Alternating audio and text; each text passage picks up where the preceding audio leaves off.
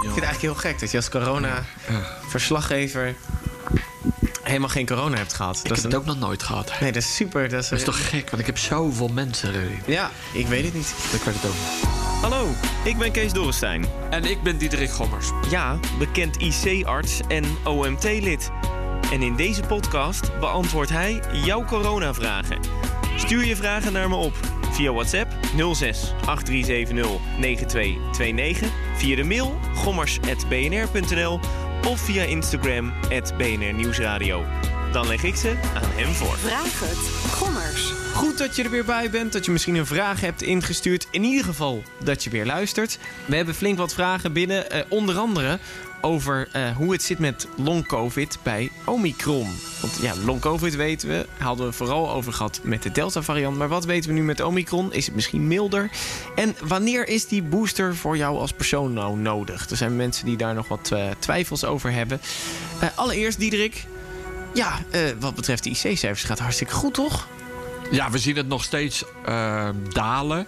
En dat is natuurlijk vooral eigenlijk de Delta-variant die afneemt in het ziekenhuis. Maar het heeft vooral te maken met de bezetting. En we zaten vandaag eigenlijk al op eh 334. Eh, en onder de duizend patiënten op de, in, op de gewone ziekenhuis. Dus het gaat echt goed. Dus het, het daalt nog steeds. Ehm, wat de Delta-variant is dat dan. Ja, want als je naar Omicron kijkt, dan hoef jij je denk ik helemaal geen zorgen meer te maken, toch? Nee, wat we nu. Nou ja, nee. Nou ja, we moeten het even zien. We zien gewoon, we weten nu vanuit het buitenland. En er is, hè, bedoel, iedere week krijgen we wat meer informatie. Maar wat je vooral ziet, is een zeer sterke stijging van het aantal besmettingen. Ehm, en ik heb van de week contact gehad via via met de collega's in Parijs. Nou, Parijs is een stad van 10 miljoen eh, mensen. Nou, daar hadden ze in begin december nog 7000 besmettingen. Nu zaten ze aan de 100.000. Maar op de IC zagen ze eigenlijk geen, nog geen echt patiënten van de Omicron. Eh, ze hadden nog. Daar in Parijs hebben ze nog wel last van de Delta. En ze hadden heel veel last van fraude met het eh, coronabewijs in, in Parijs. Eh, en dus ze zagen nog wel ongevaccineerden. Die deden of ze gevaccineerd was. En die dus bij grotere groepen mensen binnengingen.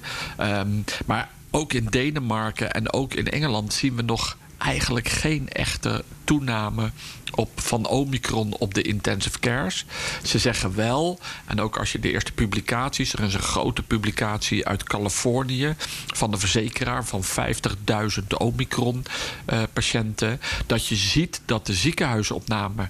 ehm, is minder dan de Delta-variant. Maar die kan nog wel toenemen. Maar je ziet heel duidelijk een lagere eh, van de ziekenhuisopnames naar die IC, wat normaal 20% is. Die is echt een stuk lager. En die ligt misschien wel in de orde van bijna de helft.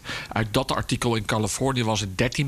Maar het is altijd heel lastig, want ieder land neemt ook weer een andere definitie van intensive care en neemt ze anders op. Dus je zit eigenlijk te wachten voor de Nederlandse situatie.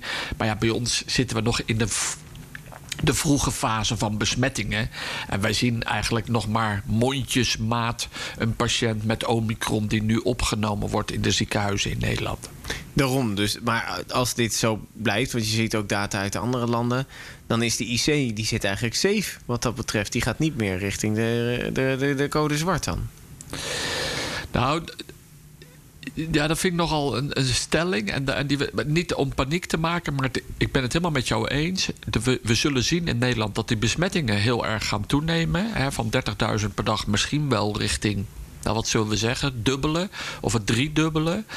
En dan zullen we, is de verwachting dat je duidend meer ziekenhuisopnames ziet. We hebben in de piek zo'n 2200 gezien. Nou, dat kan ook een dubbele zijn, of misschien wel meer. Dus misschien wel hè, 4000, 5000. Nou, we hebben 15.000 bedden. Dat, dat gaat wel echt iets betekenen voor die ziekenhuizen. Maar we hebben natuurlijk veel meer ziekenhuisbedden dan de IC-bedden. En de IC zou mogelijk uitgespaard blijven dat we niet op de maximum IC-capaciteit hoeven te komen. Maar dan moet het ook wel, dan moet het nog wel lager zijn dan de percentages die ik net noemde uit die studie uit Californië. Als dat 13% is in plaats van 20, 25, de helft. Ja, dat is dan wel heel erg belangrijk. Eh, hè, want als, Hè. Ik weet het helemaal niet. Hè. Dus het is een hypothetisch geval. We hebben 5000 mensen met COVID in de kliniek liggen. Dus op een gewone afdeling. En je rekent met 20% wat we normaal hebben, dan is dat 1 vijfde. Dan zou je dat 1000 met COVID hebben. En daar de helft van is Hè, als dat ideaal zou zijn, dat is nog steeds 500 patiënten met COVID. Dat is minder dan we gehad hebben in begin december. Hè, dus voor de kerstdagen. Dus dan zou het een lagere piek zijn voor de IC. Maar voor de afdeling is het een, echt wel een dubbele piek. Um, en waar ze ons voor waarschuwen, is dat we gewoon veel mensen gaan krijgen die besmet raken met een positieve test. Dus ook veel mensen in bepaalde beroepen die dus dan thuis moeten blijven zitten, zoals politie, brandweer, maar ook ziekenhuis, personeel. Ja, en dan wordt je capaciteit ook kleiner. Dus we kunnen wel een infarct krijgen voor uh, beroepen waar we die we eigenlijk keihard nodig hebben. Ja, voor, en dus ook in de ja. ziekenhuizen. Maar dan zou je eigenlijk zeggen, pas de quarantainetijd in. Want in, in het buitenland doen ze dat dan wel, die quarantainetijd korter, zodat je sneller weer aan het werk kan. Ja, zodat je sneller ja, aan het daar werk wordt nu ook aan gewerkt. Hè. Dus ook in de ziekenhuizen kijken, zoeken ze daar naar oplossingen. Of we niet sneller kunnen testen of anders kunnen testen. Om te zorgen dat je personeel niet te lang hoeft thuis te zitten, omdat je ze keihard nodig hebt. En er zijn natuurlijk al ziekenhuizen, directies, bestuurders die gezegd hebben: ja, misschien moeten wij straks wel besluiten dat je ondanks met een positiviteit uh, positieve test, maar geen klachten of nagenoeg geen klachten, dat je toch moet komen werken. Maar dan wel bijvoorbeeld met een FFP2-masker op, zodat je patiënten niet infecteert. Want daar gaat het uiteindelijk om. Oké, dat, is, dat, dat, is, dat wordt al voorgesteld in. Uh, ja, daar wordt over nagedacht. Ik, ik, ik, ik, heb het idee dat het nog niet uh, een echt besluit is bij bepaalde ziekenhuizen. Maar er wordt wel over nagedacht dat dat misschien op een later moment uh, noodzakelijk is. Omdat je anders te veel uitval hebt en daardoor te weinig capaciteit. Ja dat, ja, maar dat snap ik wel. Want in het ziekenhuis, je wil niet dat als die 5000 mensen komen, dat er dan vervolgens dat het personeel er niet is om die mensen te helpen. Natuurlijk. Ja. Dus dan, ja. dan word je naar dat soort maatregelen. Zijn jullie hier ook over eh, maatregelen aan nadenken? Van de... Nee, we hebben hier zeg maar een, een outbreak management team in het Erasmus. En over dat soort dingen denken we dan na en bereiden we ons voor. Dus er liggen allerlei plannen klaar. Nou, die gingen heel tot nu toe. Hè. We hebben ook nog geoefend en over code zwart het voorkomen. Maar gisteren in de oefening, gisteravond, hadden we al zoiets van ja, maar als nou het IC dadelijk niet een probleem is, maar de afdeling wel, hoe gaan we dat dan doen? Nou, dus je moet ook iedere keer weer veranderen. Want ja, het ziet er mogelijk uit met de Omicron dat we ineens een andere aanpak moeten hebben. Omdat het echt wel een ander virus is. En dat is echt wel duidelijk. Hè. Het virus is echt anders dan zijn voorgangers. Het zit veel meer in de bovenste luchtwegen. Het heeft zelfs een andere manier hoe het de cel binnendringt. We hoeven niet in detail te gaan. Maar daardoor ja, zie je ook weer dat, dat je iedere keer weer moet schakelen. En dat je uh, iedereen zegt ja, maar kom nou eens met een langetermijnsplan. Maar ja, je ziet maar weer dat dit virus zo anders is dan onze voorgangers. Er is geen plan op te maken. Er is bijna geen plan op te maken. Dit. Ja, op zich op deze nu wel, maar je weet niet wat erna nog gaat komen ja. natuurlijk. Nee. Voordat we beginnen met de vraag, eventjes één dingetje. Um, je kan de podcast nomineren voor een podcastprijs tijdens het Radio Ring Gala. Dat is wel bijzonder. Ja, dat Radio Ringhalen wordt altijd ergens in januari, februari... wordt er dan een prijs voor de beste radioprogramma's. Nou, dat geldt dus ook voor podcast. Wil je stemmen op Vraag het Gommers? Ja, dan kan dat gewoon. Ga dan eventjes gewoon naar radioring.nl. En dan kan je klikken op stemmen, zie je podcast. En dan, want er zijn heel veel podcasts... en ze hebben maar een hele kleine selectie genomen... staat Vraag het Gommers niet eens tussen. Schandalig. Dan moet je even een suggestie toevoegen. Er staat er of voeg een suggestie toe. Klik daarop, vraag het Gommers, stem eventjes... En uh, als we dat nou met z'n allen doen als luisteraars, dan komen we misschien worden we genomineerd. En dan kunnen nog meer mensen Vraag het Gommers luisteren. Dus dat vind ik leuk. Wil je ons helpen? Stem eventjes op. Vraag het Gommers. Voeg, voeg een suggestie toe. Radioring.nl. En als je er geen zin in hebt, nou, luister maar lekker door met de podcast dan, zou ik zeggen. En we gaan wat vragen erbij pakken. Wesley, die zegt uit een wetenschappelijke, nog niet gepeer-reviewed manuscript voor Nature... blijkt dat zo goed als iedereen die besmet raakt met COVID... COVID-RNA in meer locaties in het lichaam heeft dan alleen de longen. Zoals in het hart en in het brein. Moet ik als 26-jarige bang zijn voor een verhoogde kans op hartaandoeningen en dementie als ik ouder ben na een asymptomatische of milde coronabesmetting nu? Moet een beetje lachen, Kees. Ja? Je zit het zo staccato op te lezen. Dat je, af en, Staccato. ja, dat je af en toe ziet. Dementie. Dus eh, al dit, dat soort dingen. Nee, maar Zeg ik, zeg ik dementie verkeerd? Zeg ik Ja. dementie? Oh, zeg ik dementie? Ja, dementie. Oké, bij deze. eh, zoals eh, hartaandoeningen en dementie. Even goed gezegd. Oké, ja. Dat Nee, heb je soms goed. met die hele lange wat- berichten. eh, Wat ook het RNA gevonden. Ja, RNA is het virus. Nee, maar wat, wat het gaat... de- het is een studie... ehm, bij mensen die zijn overleden, waarbij ze biopten genomen hebben uit de verschillende organen. En in die biopten, dat is wel weefsel, daar hebben ze gezocht of daar ze nog virus konden vinden, COVID-virus. En dat vonden ze. En dat vonden ze toch wel anders dan de eerdere publicaties, want er zijn al eerdere publicaties geweest. Maar dat waren vaak mensen die snel na COVID-klachten waren overleden. En hier was een paar patiënten die hadden 230 dagen na de eerste klachten. Eh, en dan vinden ze nog steeds in hart, nieren, hersenen ehm, kleine virusdeeltjes, lees RNA.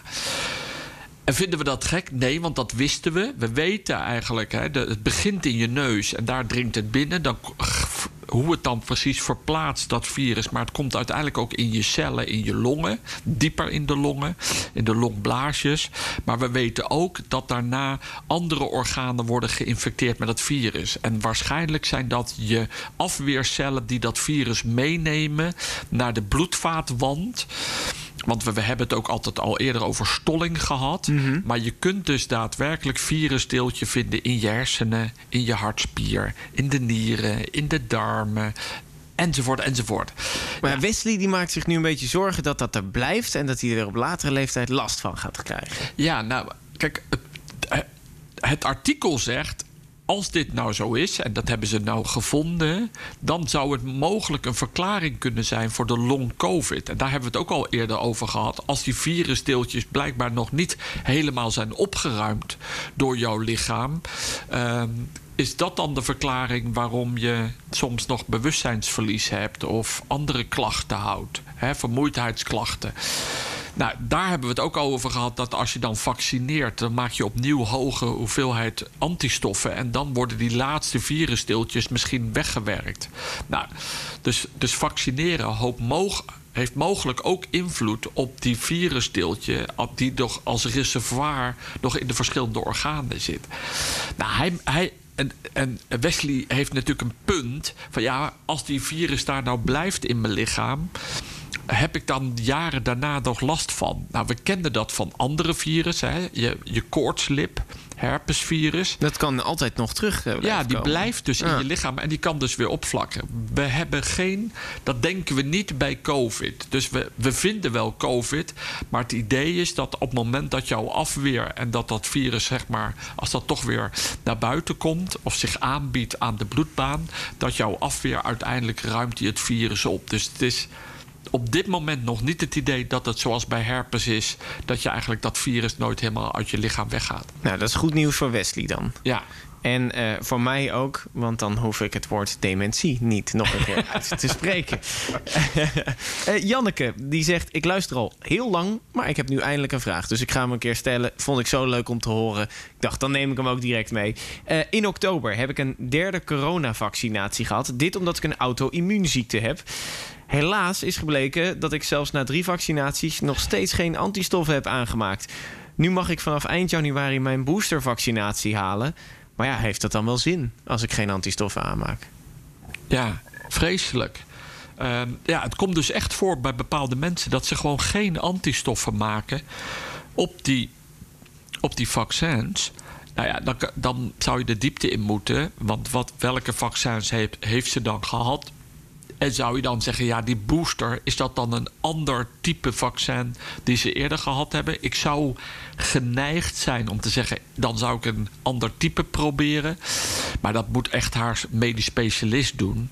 Ehm, hè, want elk ziektebeeld, en dit, dit komt Ja, dat is voor. heel erg persoonsgebonden natuurlijk. Ja. Dus dat is lastig om voor iedereen te zeggen. Ja, maar, maar als je het zo bekijkt, als je natuurlijk naar, als we het even globaliseren, hè, dus al voor algemene, dan als je voor drie keer al geen antistoffen maakt, dan is de kans dat je op het booster wel antistoffen maakt, is klein. Maar ik denk toch dat men gaat zeggen, ja, doe het nou toch maar, want wie weet bouw je iedere keer een heel klein beetje antistoffen aan. En kom je op een gegeven moment wel boven de detectie. En dat je dus dan wel detecteerbare neutraliserende Ja, dus dat, hebt. dat er niks wordt gemeten betekent niet dat je ook echt niks hebt. Maar misschien heb je gewoon een heel klein aantal. Ja, gewoon een hele lage aantal. En dit zegt ook nog niks over de cellulaire afweer. Hè, waar we het vaker over De- hadden, die de- heel belangrijk is. De geheugen T en B-cellen. Ja, ja. Hè, die dus, de, nou ja, maar ja, eigenlijk moet zij dus, ehm, ja, is het echt, zij moet dus heel erg oppassen. Dan zegt Ingrid eh, hier dan weer over. Zij heeft iemand in de familie die eigenlijk een eh, auto-immuunziekte heeft. Zij zegt, hoe moeten we mensen die geen antistoffen maken dan wel beschermen? Ja, dus, de vaccins werken niet. Nou, dan is het heel belangrijk dat die mensen zich aan de basismaatregelen houden.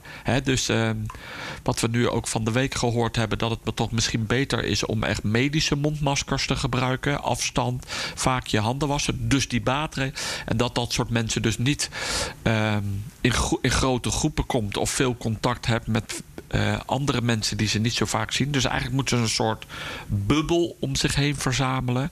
Maar we hebben het ook wel eens eerder gehad over replicatieremmers. Dat die me- nieuwe medicijnen, dat als je COVID-achtige klachten krijgt, dat je dan binnen vijf dagen medicijnen moet slikken die de vermenigvuldiging tegengaat. Nou, dat zijn een ander type medicijn om de, vermenig, hè, de, de, virus te remmen. Nou, dat zou misschien, dat, die mensen moeten dat dan nemen. Ehm, dat was van de firma Merck en van Pfizer, waren die stoffen op de. Eh, vorige maand of twee maanden terug. Ja, die moeten nu ehm, eh, goedgekeurd eh, worden, volgens mij. Die zijn ingediend. Ja. ja, volgens mij waren ze al goedgekeurd door de EMA, maar zijn ze nog, denk ik, nog niet beschikbaar in Nederland, of wel? Nou, ja, het, het, het ontwikkelt zich in één keer heel snel nu. Dus dat, dat zoeken we op. eh, ja, dan, dan moeten we maar die middelen, Maar dat, is, maar dat is dus dan het alternatief. Hè, dan ga je eigenlijk op het moment dat je eh, v- eh, verkoudheidsklachten krijgt door COVID-19, dat je dan binnen vijf dagen die replicatieremmers neemt. En dat is een kuur. Eh, en dan hoop je dat je daarmee de hoeveelheid virus afremt en dat je dus niet ernstig ziek wordt. Ehm, dan Maire, Jeroen, Bouke en Branka. Die vragen zich af wat we weten over long-covid na de Omicron-variant. Kan je het krijgen en is het dan ook milder? Omdat Omicron ook milder lijkt. En hoe groot is de kans? Ja, hele logische vraag. Maar eigenlijk de Omicron die komt pas voor sinds half december in Europa. Hè, toen begon het daar in Engeland. Ehm, dus we hebben het pas een maand. Dus ja, je hebt nog eigenlijk helemaal geen ervaring over long-covid klachten. Want meestal, hè, long-covid betekent dat je eigenlijk covid-achtige klachten langer, hè, dus na vier weken of zes weken nog hebt, of drie maanden. Maar zover zijn we nog helemaal niet. Het is wel aannemelijk dat dat zo zal zijn, long-covid-klachten. Het lastige maakt weer dat we niet precies weten waarom je nou eigenlijk long-covid krijgt. Dus deze hele simpele vraag kan ik eigenlijk gewoon op dit moment niet Er goed zijn ook geen beantwoorden. onderzoeken naar op dit moment. Nee, ja, maar dat is nog te kort. Ja, nou, dat is eigenlijk een hele logische verklaring. En Ja. Kelsey zegt dan... heeft de boosterprik effect op long-covid?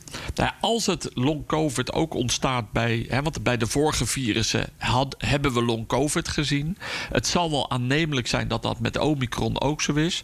En we hebben ook daarnet ook al besproken... dat vaccineren of een booster geven... Hè, want dat is ook vaccin, hetzelfde medicijn... ehm, dat dat bij sommige patiënten, 25% dat dat hielp tegen long-covid-krachten. Nou, dat is een vierde, dus voor de meeste mensen helpt het niet. Maar voor een kleine groep helpt het wel. Ehm, dus ja, Dat- als de klachten ernstig zijn, zou ik het wel doen. Dan, En, en, en, dus, en dan is het vooral als je long-covid hebt. Waarom je wel moet boosteren, dat is eigenlijk anders. Dan krijg je mogelijk geen omicron. Of de kans dat je het krijgt is heel klein. En als je geen omicron krijgt, kun je ook geen long-covid krijgen. Dus zo beredeneerd, dan heeft het Ah, natuurlijk ja, wel zin. Nee, precies. Ik, ik denk dat zij wel het bedoelde van als je het al hebt. Maar dat is inderdaad een, eh, een goeie. Jaap die zegt... Ik ga ervan uit dat het OMT de beslissingen eh, nemen... omdat ze die het beste achten voor de maatschappij. Maar toch komt het soms over alsof ze niet weten wat er in de maatschappij speelt. Moet het OMT en de overheid niet werken aan hun communicatie... om mensen beter te laten begrijpen wat er nou achter zit? En hij noemde bijvoorbeeld die medische mondmaskers, die worden dan verplicht. Maar ja, waarom dan als, als voorbeeld? Maar hij zei van, hij, hij vond Ja, het ik ben het meer. wel met hem eens. Er is, het gaat niet altijd lekker met de communicatie. En dat is ook, heeft een beetje te maken hoe we de OMT georganiseerd hebben. Wat we, wat we belangrijk vind- vinden, dat er, ik weet niet precies, maar er zitten zo tussen de 30 en 40 experts in iedere vergadering. En dat zijn hoofdzakelijk microbiologen of infectiologen, een paar virologen. En ik mag er dan in zitten namens de eh, intensive cares. Maar er zitten ook een geriater zit erin. Er zitten eh, medisch specialisten van Ja. de huisartsgeneeskunde. Kinderartsen. Kinderartsen, huisartsen. En, en ook hè, dus eh, mensen van de RIVM. Nou, waar het om gaat is dat ze zeggen... we willen vrijuit kunnen discussiëren met elkaar. Dus daarom is het helaas wat mij betreft niet openbaar. Want je zult zien dat het best lastig is. We krijgen altijd eerst een presentatie waarbij de epidemiologie, dus de data van de besmettingen, maar ook de modelleurs, die laten zien wat, wat de kansen zijn op IC-opnames, ziekenhuisopnames. Ehm, dat, dat wordt altijd eerst getoond. En daarna hebben we discussie met elkaar om de vragen die het ministerie stelt te beantwoorden. En je ziet vaak dat het verschil van inzicht is. Het ene expert zegt, nou ja, misschien moeten we daar meer op letten en dan daarop letten. Maar wat hier natuurlijk vooral om gaat, is van beste OMT-leden, hebben jullie wel door hoe zwaar sommige mensen het hebben met omdat de winkels gesloten zijn of omdat de horeca dicht is of Ja. ja, wat het met jeugd doet en dergelijke. En tuurlijk zijn wij ook gewoon gewone mensen. En horen wij natuurlijk ook al die informatie. En er worden ook informatie vanuit Nederlands Jeugdinstituut of vanuit psychiaters. Worden de brieven gestuurd naar het OMT als van. Beste OMT-leden, weet je dat dit en dit speelt? Houden jullie daar alsjeblieft rekening mee? Maar het OMT en de rol is vooral is om een coördinerende rol te zijn in het bestrijding van een infectieziekte. Dus het is vooral advies geven aan de beleidsmakers. En wij gaan dus eigenlijk alleen maar over, over die infectieziekte. En natuurlijk kan je het nooit helemaal los zien, maar dat is wel altijd wat we af en toe discussie zeggen. Wij, wij zijn de medici, de medische achtergrond. Eh, en wij leveren het advies. En dat advies gaat naar eh, het ministerie. En die toetst of, daar, of het advies haalbaar is en uitvoerbaar. En daarna pas gaat het naar de ministerraad. En die gaat kijken van oké, dit is dan het medische advies. Maar wat zeggen de andere gremia. Dus wat zegt de eh, economisch advies of de jeugd of andere aspecten die belangrijk is. En zij nemen dan uiteindelijk een besluit. En, en natuurlijk is er in de afgelopen twee jaar vaak door Mark Rutte en Hugo de Jong gezegd: ja, maar het OMT adviseert dit. En dan lijkt het zo of wij als OMT over alles gaan. Maar dat is absoluut niet het geval. Nee, maar dus je zegt dan eigenlijk... De, de overheid of de kabinet, het kabinet moet beter communiceren. Ja, en dat, en dat is echt belangrijk. En, en ik hoor nu al in de aankondiging hè, dat collega Kuipers eh, vanavond het met grafieken laat doen. Ja, wij nemen dit vlak voor de persco op. Ja, dat is ja nou dus we zo. weten het nog niet. Maar ik denk dat dat gaat helpen. Ik denk dat je met grafieken en figuren beter kan uitleggen wat je te wachten staat. En, dat, en waarom je dan als kabinet besloten hebt bepaalde dingen wel te doen en bepaalde dingen niet te doen. Dus ik ben het met, eh, met hem eens dat, dat de. ehm, het overbrengen en uitleg geven vanuit de RIVM wat het OMT nou wel precies doet en wat ze precies bedoelen, ja, dat dat, dat eventueel ja, dat dat gewoon beter kan. Oké. Klaas, die zegt... ehm, wie wordt er gemiddeld zieker van Omicron? Een gevaccineerde of een niet-gevaccineerde?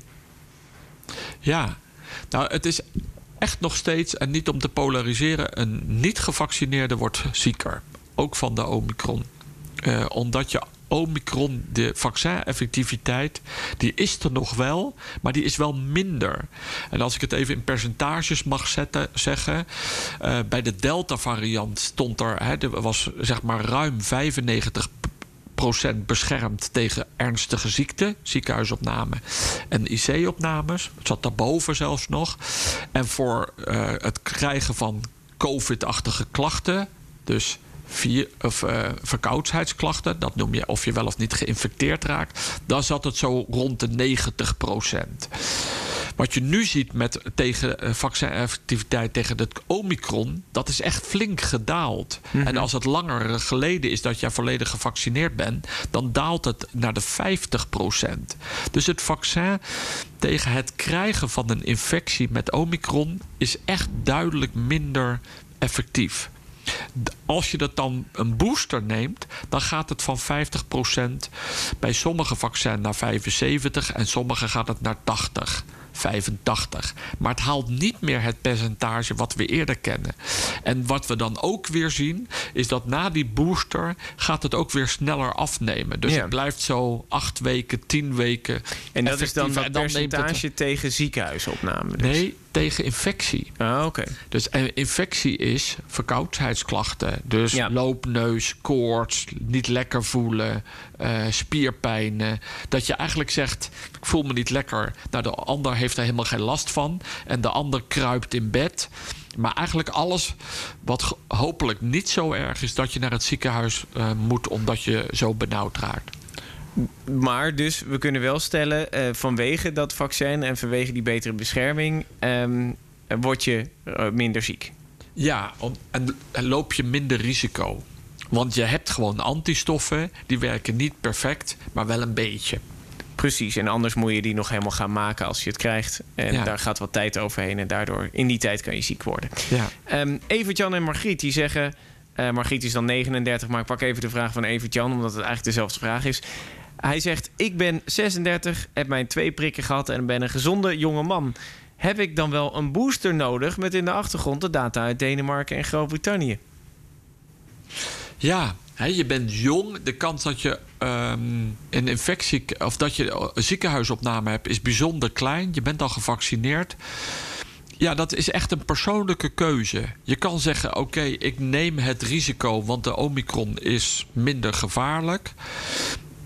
Kan ik me voorstellen dat je dat doet. Maar wat we net zeiden, we weten nog niet zo goed of je long-covid kan krijgen. Nou, dat weet hij ook niet. Wie weet heeft hij de pech ook al. Hè? Want long-covid kan je ook na milde klachten al Ja, krijgen. En zelfs exact. als je helemaal geen klachten hebt, kan je toch nog long-covid krijgen. Al is dat wel minder waarschijnlijk. Maar het is allemaal heel laag risico. Dus ik kan me helemaal voorstellen dat je zegt van ja jonge mensen heeft het minder zin om te boosteren. Maar je draagt wel natuurlijk bij aan de verspreiding van het Omicron. Dus je, op het moment dat je niet geboosterd bent. Heb je een groter risico dat je toch geïnfecteerd raakt. En op het moment dat jij ziek bent en klachten hebt en een loopneus. en je gaat hoesten of praten met een beetje druppeltjes. dan is er een groter risico dat jij andere mensen infecteert. Dus als je niet een booster neemt als 36-jarige. draag je mogelijk bij aan de meerverspreiding van het Omicron. Maar dan zegt de andere ja, maar ik nou, dat is eigenlijk het belangrijkste punt. Dus het is een heel erg persoonlijk besluit. Maar als je ook iets wilt doen voor de maatschappij om de groep die hoog risico te lopen, ja, dan zou je eigenlijk wel verstandig zijn om het wel te doen. En het vaccin is veilig, want hij heeft het ook alweer twee keer genomen. Maar het blijft een persoonlijke afweging. Ja, het verschil tussen een, eh, een persoonlijke keuze of een maatschappijkeuze, om het maar even samen te vatten. Sam die zegt: Bent u bekend met de ontwikkeling in het bedrijf Oramed uit Israël? Ze zijn al vele jaren bezig met de ontwikkeling van een insulinepil die oraal ingenomen kan worden. En ze werken nu samen met Premas Biotech om een oraal vaccin te maken, Oravax, dat ook nog breder zou beschermen. Is dit een ontwikkeling om naar uit te kijken? Ja, ehm, kijk, elke mooie ontwikkeling. En als je die pil dan vaker zou nemen. En, en, en dat kost je bijna geen moeite. En daardoor krijg je weer antistoffen. Maar het is allemaal nog heel erg in de vroege fase. Maar stel je voor dat ze succesvol zijn.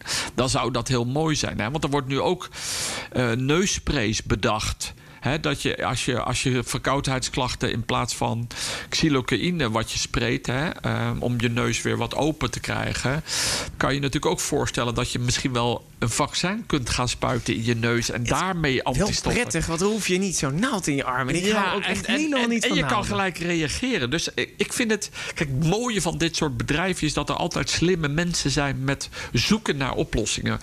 Uh, dus ik, ik, ik juich het toe of het daadwerkelijk ook echt effectief is, ja, dat moeten we, moeten we weer wachten op studies en dan moeten ze het aantonen. En dan, en dan kunnen we natuurlijk zeggen: ja, nee, dit is zo'n goed middel, dit is beter dan een prik van een vaccin. Of het is een goed alternatief. Het hoeft niet eens beter te zijn. Als het maar net zo goed is, dat is ook al een, een, een hele verrijking. Um, dan zeggen Janneke, Sanne, Jaap en Frank. Die hebben een vraag over het vaccineren van kinderen. En of dat wel nut heeft want ze hebben, eh, ze hebben eigenlijk allemaal kinderen onder de 12. Sommigen hebben ook al corona gehad. En dan vraagt ze zich af, ja, zeker met die besmettelijke Omicron-variant... moet je ze het niet laten krijgen in plaats van dat je er tegen vaccineert? Ja, nou, ook dit weer, het is heel persoonlijk. En je moet ook dingen waarin je gelooft. Ehm, en wij zeiden altijd dat kinderen niet ernstig ziek konden worden. Maar er, komt nu, er is nu toch een studie verschenen. Waarbij, en dan is dat wel volgens mij in Amerika verschenen. Waarbij ze toch ruim 3000 kinderen gevonden hebben. die uh, ziek geworden zijn van de COVID. En dat ziektebeeld hebben ze genoemd MIS-C streepje C. Dus MIS streepje C. En dat staat voor Multisystem Inflammatory Syndrome eh, in Children. Oké. En, en wat ze dan zeggen eigenlijk is um, dat, dat het, het die, een groot gedeelte van die kinderen had ook helemaal geen klachten van COVID. Dat is niet de Omicron, hè, dat is de eerdere varianten. Maar twee tot vijf weken later werden ze ineens ernstig ziek. Mhm. En dan gingen ze naar de ziekenhuis en die begrepen er aanvankelijk helemaal niks van. Vaak waren het ehm, klachten van diarree of overgeven. Dus eigenlijk ook niks met de longen. Ehm, en, en dus zat het veel meer in het darmstelsel of in het hart. Uh, in plaats van die longproblemen. En het blijkt eigenlijk mogelijke relatie te zijn dat die kinderen een soort overreactie hebben toch op dat COVID. Um, en dan belangrijk is dat je het snel moet behandelen met uh, antistoffen die je in het ziekenhuis kunt geven. Maar ook met steroïden en andere medicijnen die de afweer remmen. Je krijgt dus een soort overdreven afweerreactie. Nee, de afweer van die kinderen gaat als een gek. Gaat als een gek omhoog. Ja. Nou ja, um, ik heb het nog niet zo gehoord of dat een ding is in Nederland. Je hoort er ook niet zoveel van. Maar het, is wel een indrukwekkend beeld. Nou ja, dan kan je zeggen, ja, Diederik, oh ho, ho, ho. En dat is het ook een beetje. Het is natuurlijk wel belangrijk, hoe vaak komt dit nou voor? Want is dit nou een samenraapsel van alle ziekenhuizen in Amerika? Ja, dan komt het maar heel weinig voor. Maar dat is wel een beetje wat er speelt. Dus er, er zijn nu langzamerhand, na twee, twee jaar uh, COVID... dat je toch af en toe ernstige uh, afwijkingen hoort bij kinderen. Maar het is dat, zag je, dat hoorde je ook uit Zuid-Afrika. Ja, het is echt heel sporadisch. En dat moeten dus ouders zelf goed beslissen.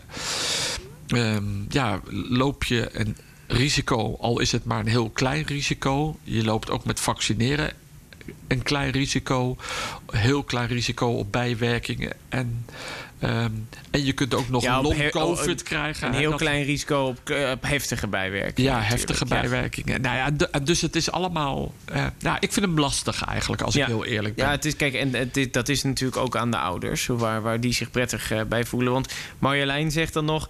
Um, is het duidelijk waarom kinderen niet echt ziek worden en biedt dat aanknopingspunten voor een oplossing? Zij dacht dan van, ja, kinderen die krijgen het wel, maar die worden eigenlijk, niet heel erg ziek, dus kunnen we daar geen medicijn van maken of zoiets? Ja, ja, dat zou het. Dus dan, maar dan wil je heel graag weten wat het verschil dan is. En dat moet dan iets met onze afweer te maken hebben. Maar daar zijn ze. Ja, Nee, eh, ze heeft helemaal gelijk. Als we het zouden hebben, weten... kind- hebben kinderen een betere afweer dan, over het algemeen? Nou, vaak zeggen we eigenlijk juist van niet. Ehm, omdat je altijd, hè, je moet ook in contact komen met, met verschillende eh, micro-organismen, bacteriën, Ja. virussen. Toch worden ze Ehm, niet ziek. Nee. En, en, en zij worden toch niet ziek. Dus nee, we moeten daar echt onze vinger achter krijgen. En als we onze vinger erachter krijgen, ja, dan zou het ook kunnen zeggen: oké, maar dan is dit het mechanisme. En dan zou je misschien dit stofje kunnen gebruiken om dat mechanisme te stimuleren, dan wel te blokkeren. Ja, maar dat, dat idee hebben we nog niet. Dus Nee, dan gaan we, dan gaan we daar eh, onder, op onderzoek uit. Ehm, Erik, tot slot. Hij zegt om, het, ehm, eh, om de voordelen van vaccins uit te leggen... wordt vaak vergeleken met het poliovaccin of de DTP-prikken. Maar die zorgen ervoor dat je heel lang beschermd bent. De COVID-vaccins, die doen dat niet. Eh, Is dat wel eigenlijk een eerlijke vergelijking? Nee, dat heeft hij, heeft helemaal gelijk. Dat is ook een oneerlijke vergelijking. Eh, eigenlijk wat je nu met de COVID ziet, omdat we iedere keer die varianten krijgen, is eigenlijk lijkt, gaat steeds meer lijken op het eh, influenza, het griepvirus. Die, die verandert ook eh, met varianten. Want iedere keer, ieder jaar moet dat vaccin worden aangepast. Ehm, alleen het, het, het griepvirus is wel ouder. En je ziet vooral dat die varianten niet tijdens een griepuitbraak ontstaan, maar meer eigenlijk het, ieder jaar erop krijg je een andere variant. Ehm, hè, dus het is meer serieel. Ehm, nou, en dat, als ik de experts mag geloven, want ik ben geen viroloog, ehm, is dat eigenlijk. Kun je afwachten, moet je afwachten of dat uiteindelijk ook zo gaat ontstaan met het COVID-virus. Dat je eigenlijk, hè, want het is een verkoudheidsvirus, gaan we het straks vooral alleen nog maar in de winter krijgen? En krijg je dan varianten jaar op jaar, maar niet meer tijdens eh, zo'n eh, griepseizoen of een COVID-seizoen straks in de winter? Dus eigenlijk moeten we het vergelijken met de griepprik. Ja, uiteindelijk gaan we die kant op, ja. Maar daar zijn we nog niet, helaas. Maar daar, ik, nou ja, laten we hopen dat we die kant op gaan. Want de griep, daar kunnen we aardig mee omgaan. Ja, exact. Nou, dat is, misschien is Omicron een hele goede ontwikkeling. Dat is allemaal nog eventjes afwachten, hè, want we zitten nog niet op de, op de piek ook. Ehm, tot zover deze aflevering weer. Heb je zelf een vraag? WhatsApp hem naar het nummer dat je aan het begin van de podcast hoort... of stuur een mailtje naar gommers.bnr.nl. En dan eh, zet hem gewoon op de lijst en dan kunnen we hem de volgende keer gewoon weer behandelen. Diederik, dankjewel. Jo, hoi.